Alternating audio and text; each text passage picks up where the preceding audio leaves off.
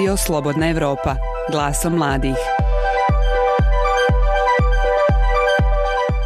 Evo ovako, gdje živimo i kako stvari funkcionišu u Bosni i Hercegovini, mnogima nisu jasne.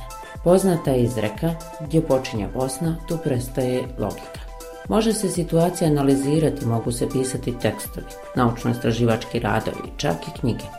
Ali uzalud, ništa nije upojitije od satire. Evo, na primjer, pitam se da li bi mladi uopšte pratili političku situaciju da nema humora na društvenim mrežama.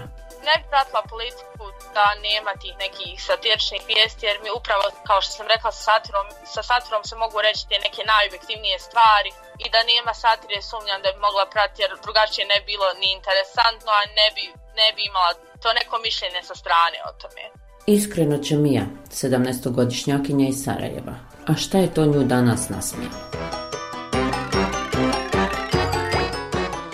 Stvar koju sam upratila je bilo parkiranje te bije Izetbegović usred Titove i baš sam malo prije na šatru info čitala o, satirični post o tome mogu reći da mi je dosta to neke, tako neke te političke stvari smiješne. Vidim koliko ljudi imaju slobode zapravo, a koliko bi neki obični čovjek dobio kaznu za to i to su mi neke stvari ono, koje su mi vrlo smiješne. Ljudi primijete stvarno, ljudi se smiju na taj način. Na portalima se pojavila navodna fotografija kako je direktorica kliničkog centra u Sarajevu Sebija Izetbegović parkirala svoj automobil na trotoaru u samom centru Sarajeva dok obavlja shopping. Ja i? To bi vjerovatno bila reakcija njenog supruga Bakira na ovu informaciju, a komentari i mnogih na društvenim mrežama. Bilo je komentara, citiram, postala je kraljica trotoara. Haris Dedović nije meteorolog, već urednik satiričnog portala šatro.info, a ovaj događaj komentariše drugačije od ostalih. po ovakvom vremenu je se bija parkirala automobil na sred Ferhadije. Na zlonamjerne komentare BH javnosti Twitteraš Riđoberki poručuje.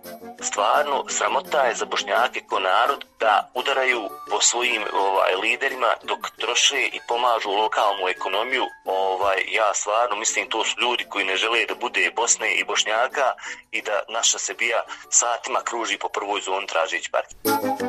Svaka slučajno sa stvarnim događajima akterima ove informacije koja je među vremenom postala satirična je slučajna. Neki protestuju ili se angažuju u svojim zajednicama, a opet drugi koriste satiru kako bi svoju stvarnost učinili što smislenijom, razumnijom i podnošljivijom. To rade kroz postove, tvitove, memove na internetu stvarajući smijeh i šalu. Šta je na koncu cilj? Je li to neka forma otpora ili kritika stvarnosti koja ih okružuje? Saznaćemo u nastavku. Ja sam Aida Đugum, a vi poslušajte novu dozu satire samo u podcastu Radija Slobodna Evropa glasom mladih. Slušate podcast Glaso mladih. Prvu dozu satire donosi nam Imer, Twitteraš. Sa njim razgovaram u jednom kultnom sarajevskom kafiću. Priča nam da je prvi put tweetnuo zbog posla, a onda... Kad sam radio u Bosni, dođem na posao, popričam s kolegama, ovako onako izbacim iz sebe te neke riječi, uzmem rad onda odselim u Španiju, ne mogu ja ne, sada nešto, ono, kolega, ja njemu kažem, mi svidio šta je Bakr radi, on, perdona, no entiendo que quieres decir, ono, Jesi vidio šta je doli? Je, ono, ko je to? E, sad ću ti objasni Bosnu i onda sat i pol vremena kasnije čovjek zbunjeniji nek što je bio. Tako da...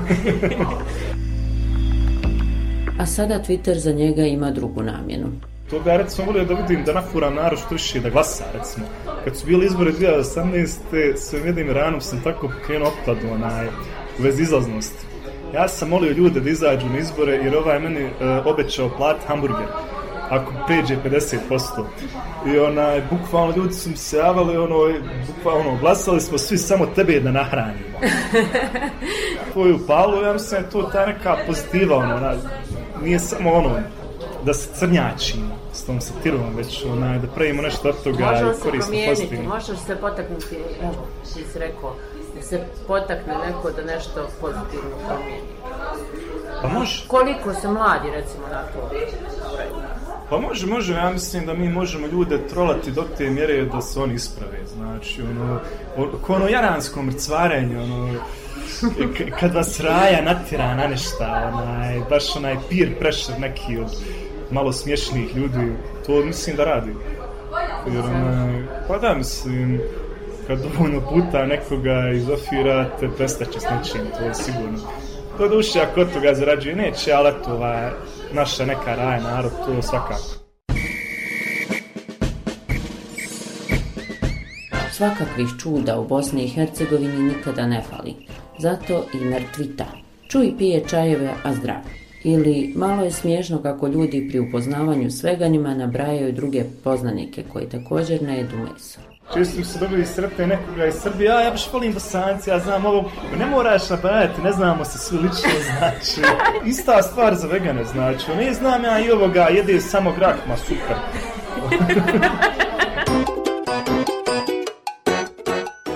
Imer koji sam priznaje da je naturščik analitičar koji podcrtava da nikada neće biti inženjer, već uvijek umjetnik. Umeđu vremenu je shvatio da mu je Twittera preko glave. Pokušao je nešto drugačije, kasnije će se ispostaviti da je pogriješio. Pokušao sam prije jedno dva mjeseca da ne koristim Twitter, I umjesto toga ispalo je da spišem u onaj notes aplikaciju gluposti koju mi prođem kroz glavu i ono... Koje niko ne vidi. Koje niko ne vidi, pa ono sjedim s ljudima na kafu, izvadim to i ono čitam na glas da vidim reakcije, tako da ona... I kakve budu reakcije?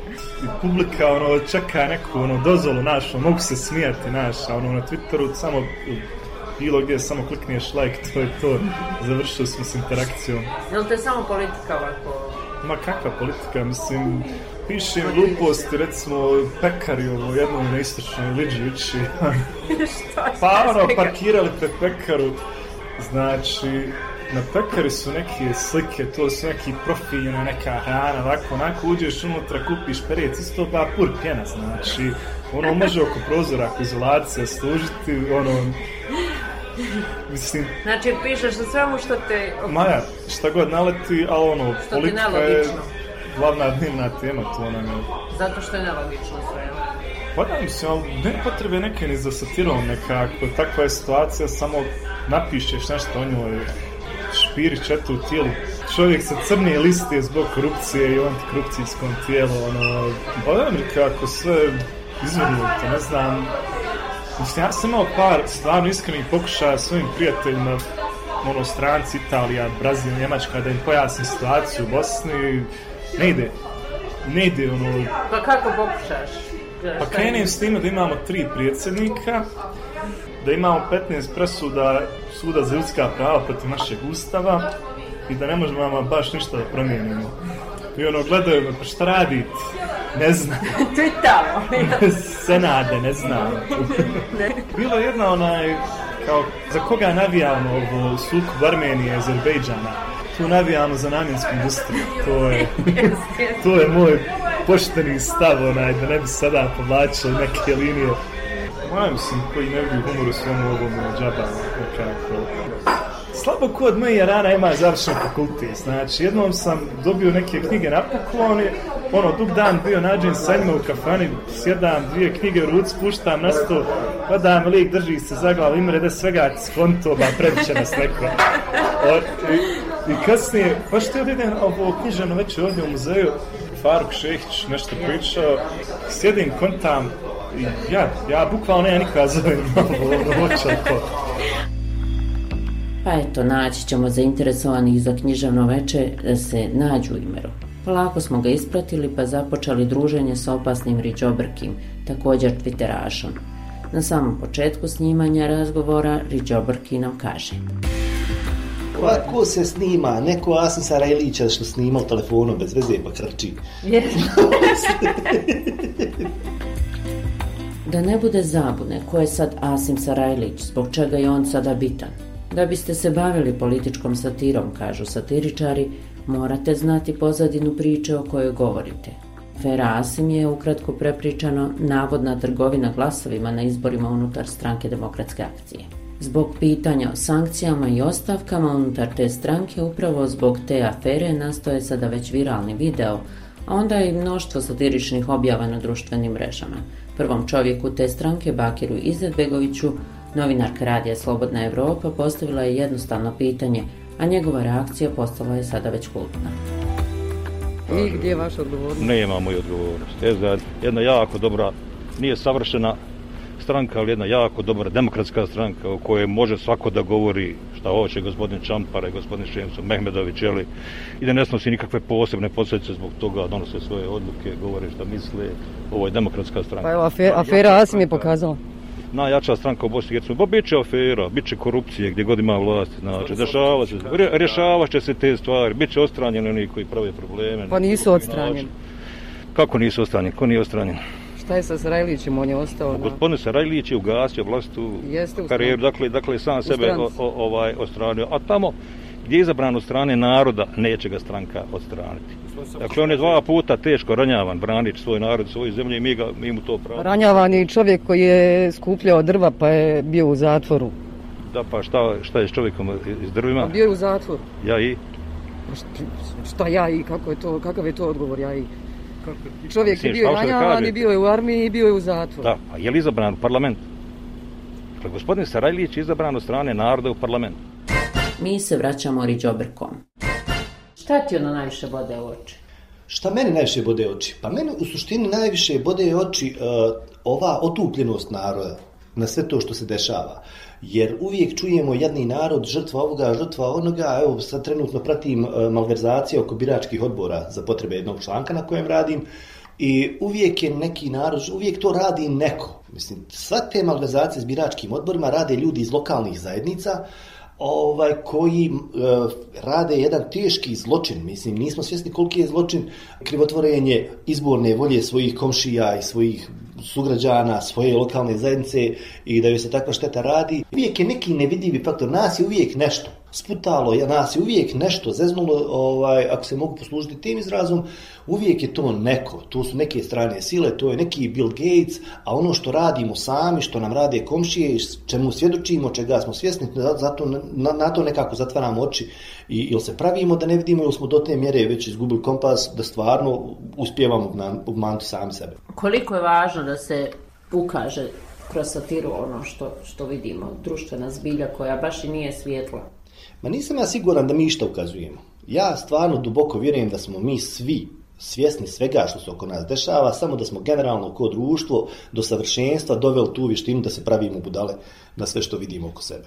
Tako da ja ne mislim da satiričari, komičari, e, analitičari, novinari, da iko ko, ko dakle djeluju u javnom prostoru, ljudima bilo šta može približiti što oni već ne znaju. E sada, e, postoji te teorije kao da narod e, svjesno negira nešto, da se nalazimo u gluhim sobama. Nisam pristalca takvog mišljenja i stvarno mislim da svi dobro sve vide, samo se dobro prave budale. Koliko je bitno za mlade da oni kroz humor shvate zapravo šta se dešava? Da počnu da razmišljaju svojom glavom? E to je jako bitno kad govorimo o mladim ljudima koji nisu ovaj formirani u smislu razumijevanja medijskih sadržaja, dakle nisu medijski pismeni.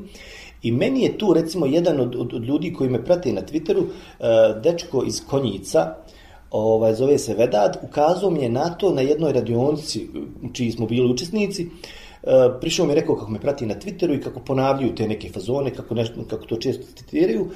I uh, kad, kad, kad twitate, kad, kad ste aktivni na društvenim medijima, vi niste svjesni, uvijek se nekako obraćate ljudima uh, svoje, starosnih do, svoje starosne dobi, svojih, ono, znači koji dijele interese, uh, koje su tako je svetonazor i, i, i, eto, ovaj, i dob, A, ali onda sam shvatio da to čitaju i djeca od 14-15 godina, na čiji to svjetonazor može uticati. Ja sam u njihovo doba imao neke svoje ovaj uzore, imao sam, da tako kažem, ljude koji su za mene sažvakavali ovaj, stvarnosti, čije sam ja medijske sadržaje konzumirao i eto, postao to što jesam, ali sada na, na eh, ono što recimo često nam promiče jeste da individualni kreatori sadržaja, tipa Twitteraši, ljudi koji su aktivni na Facebooku, ovaj, Instagramu, znači ljudi koje popularno zovemo influencerima, da oni stvarno utječu na mlade ljude, kreiraju ovaj, E, njihovo svatanje svijeta koji ih okružuje i da stvarno tu treba e, biti posebno odgovoran.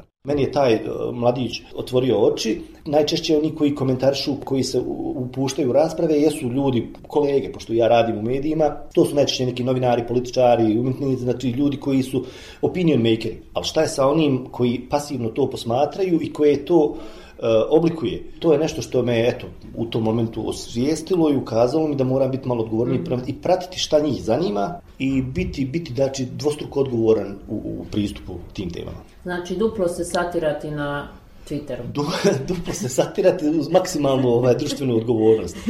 Ne, društvo nam je takvo da zakonska regulativa, kad su mediji generalno u pitanja, pogotovo onda portali, a pogotovo slobodni strijelci u javnom prostoru, eh, nisu adekvatno sankcionisani, ovaj, nemaju odgovornost, znači nisu sankcionisani za velike propuste koje rade, svjesno ili nesvjesno, onaj naravna stvar. Ja sam apsolutno za slobodu govora, slobodu izražavanja, za sve povelje koje, koje ih pominju, ali mora se znati negdje gdje je granica između slobode e, govora i recimo širenja govora mržnje, klevete, neke stvari koje iznesete u javni prostor, nekoga mogu skupo koštati onaj svjedokom sam toga i e, e, e, mislim da stvarno stvarno moramo biti tu i odgovorniji i svjesniji svoje odgovornosti i koliko možemo biti pozitivni. Gdje je sad humor i satira u javnom prostoru? Evo, pominjao si javni prostor. Gdje je sad to?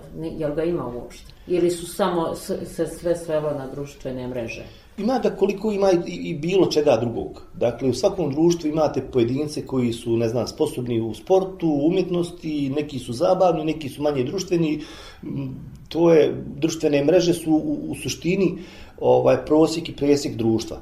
Tako da ti neki pojedinci koji su inače u svojim sredinama ono prepoznati kao ljudi koji vole časkati, vole, koji su ovako ovaj, uh, skloni tom nekom isticanju ili, ili eksponiranju, koji imaju tu ekspresivnu crtu, onaj, oni kakvi su u svom privatnom životu, obično su takvi na društvenim medijima, privlače pažnju, zabavljaju druge i to je nešto što od antičkih vremena do dan danas je tako kako je.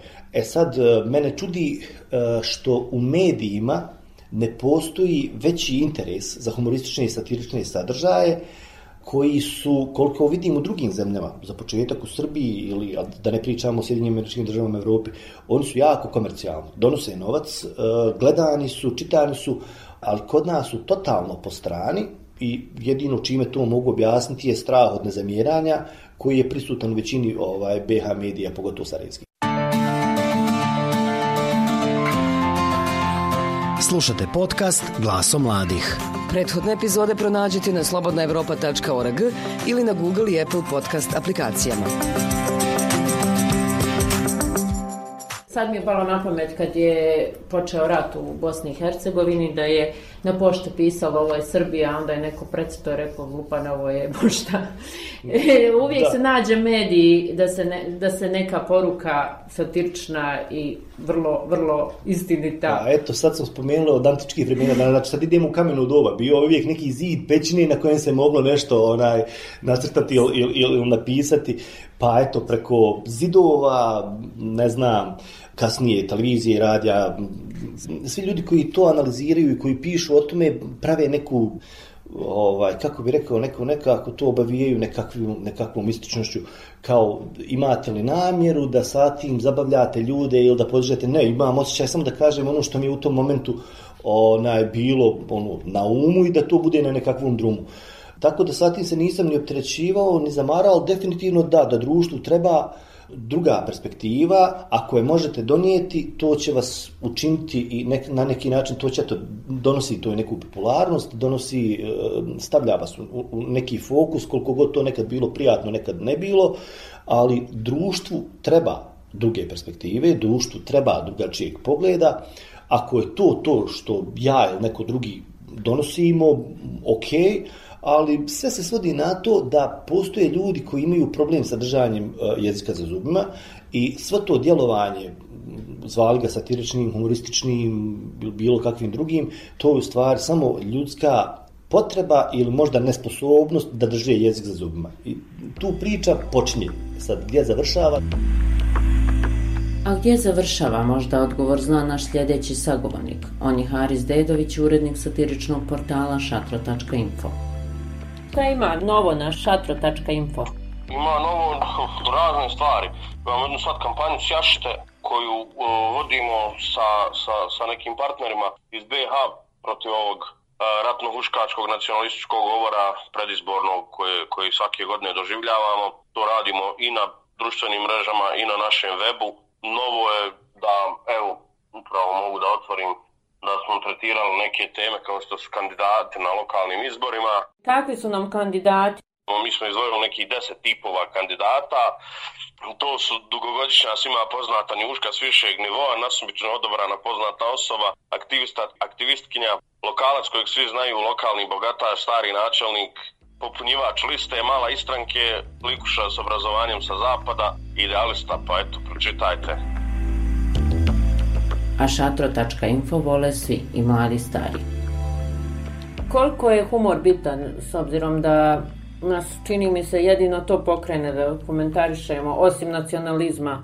Znate kako, mi vjerujemo da je humor jako značajan način i, i, i moćan alat za skretanje pažnje na neke bitne teme. Imate jako puno ljudi kojima je ono dozlogrdilo već da čitaju, e, slušaju i gledaju vijesti u onome formatu u kojem su navikli. I onda mi pokušavamo da kroz humor privučemo ljude, pogotovo najčešće i mlađe, ali i one koji razumiju satiru, nas čitaju, hajde, možda će malo neskromno zvučat, ali ljudi koji malo više znaju u životu, koji su malo više intelektualnih sposobnosti u tom smislu da razumiju na što se šta odnosi i zašto je nešto smiješno. Tako da mi pokušavamo mlađe da, da usmjerimo ka bitnim temama, a našu kritiku na, na rada uputimo kroz šalu za one koji to shvataju. I možemo reći da smo zadovoljni, shvata nas dosta ljudi. Jedan od naslova na portalu šatro.info je UN izglasao embargo vlastima BiH da komentarišu sukobe u regiji na Gorno Karabah. A odnosi se na predsjedništvo BiH koje saznaje šatro.info ima specijalne pripreme za odlazak u Brisel. Idu u Brisel i naručili su Amajlije ili Amajlije kako, kako kaže da bi um, njihov sastanak bio što bolji Šefik Džaferović je bio zadužen za logistiku, on je od jedne žene što pravi Amajlije u Visokom nabavio neke ove islamske, Dodik je u Ostrogu na, um, naručio sebi, a Željko Komšić je svejedno, pa onaj, tako da, da, da su to od, od pripreme za sastanak su naručili Hamailije. Eto, to je to. Koliko se ova realna situacija, o svakodnevno ovaj, su vam zapravo inspiracija da kroz satiru ukazujete na anomalije, da tako kažem, u društvu.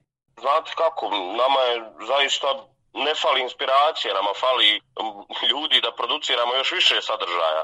Mislim, naravno, e, jedan od problema, ajmo tako reći, jeste što mi imamo isključivo i samo autorski rad, znači mi nemamo kao drugi mediji što mogu pa nešto da kopiraju, pa nešto da prevedu. Naša, maltene svaka riječ je napisana našom rukom, tako da taj nivo produkcije koji mi možemo da ispostavimo je trenutno takav i tako funkcionišemo, ali mislim da ima još prostora toliko inspiracije da ima još mnogo, mnogo prostora za još satiričnih portala, za još e, satire i u drugim oblicima sadržaja, audio, video, foto, na svaki način. Evo da ne bude da samo govorimo o političarima u BiH. Šatro.info objavio je satirične vijesti koje se odnose na transport i komunikacije. Pa na primjer, aerodrom u Sarajevu od oktobra uvodi linije papirnim avionima na bezbroj destinacija u svijetu. A gradsko saobraćajno preduzeće u Sarajevu uvodi mogućnost putovanja na metlama, kao zamjena za neratovne linije. Mi nemamo nešto favorite, mi radimo na dnevnoj bazi, malte ne 365 dana u godini i e, jednostavno u tom momentu ko je naj, najaktuelniji u, u, u onome što mi smatramo da nije dobro je opra na ruke kod nas. Znači, to je recimo vrlo često bio premijer Fadil Novalč, premijer Federacije Bosne i Hercegovine, koji onako u značajnoj mjeri zna da da kaže neke stvari koje su u najmanju ruku rečeno u kontri sa zdravim razumom. Na primjer, to ona poznata, nisu oni dobili otkaz, oni su ostali bez posla i to su neke stvari koje mi definitivno često pratimo, često pratimo predsjedništvo i njihov, nazovimo rad u tom segmentu. Jednostavno, oni svađaju se oko stvari koje su toliko nebitne, pa ono, nema nikakvog, nikakvog smisla da se time bavimo, ali to bavimo se. Koliko je za mlade bitno da kroz satiru shvate šta se zapravo dešava u društvu i da počnu kritički razmišljati? Je to neki soft način, onako mekši, ljepši, slađi način da se shvati... Mi smo to rekli na mala vrata. To je nešto što je naš stav, ono, da, da, da mladima približimo e, kroz satiru, jer mlađi ljudi su definitivno uvijek oni koji se manje brinu za, za ajde uslovno rečeno da kažemo, ozbiljne stvari, jel?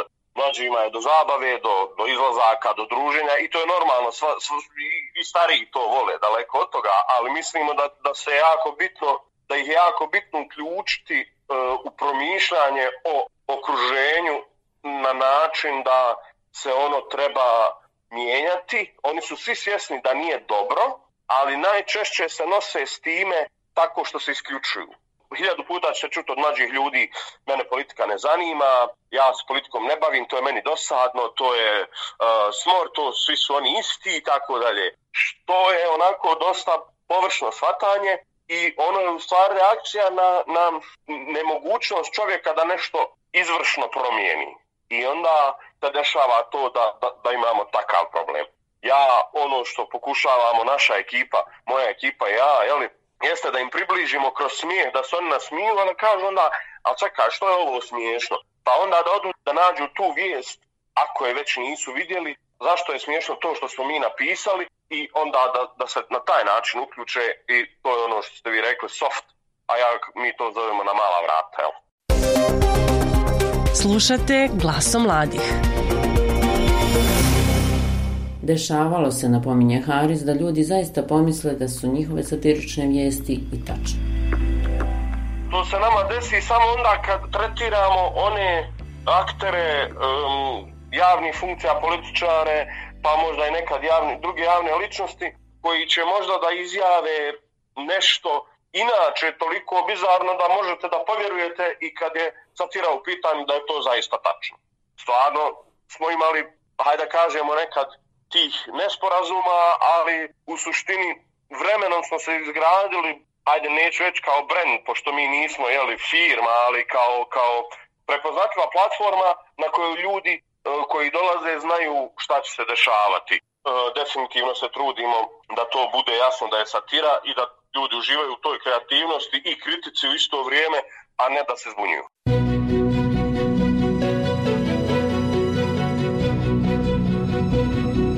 Slušate podcast Glaso mladih. Prethodne epizode pronađite na slobodnaevropa.org ili na Google i Apple podcast aplikacijama.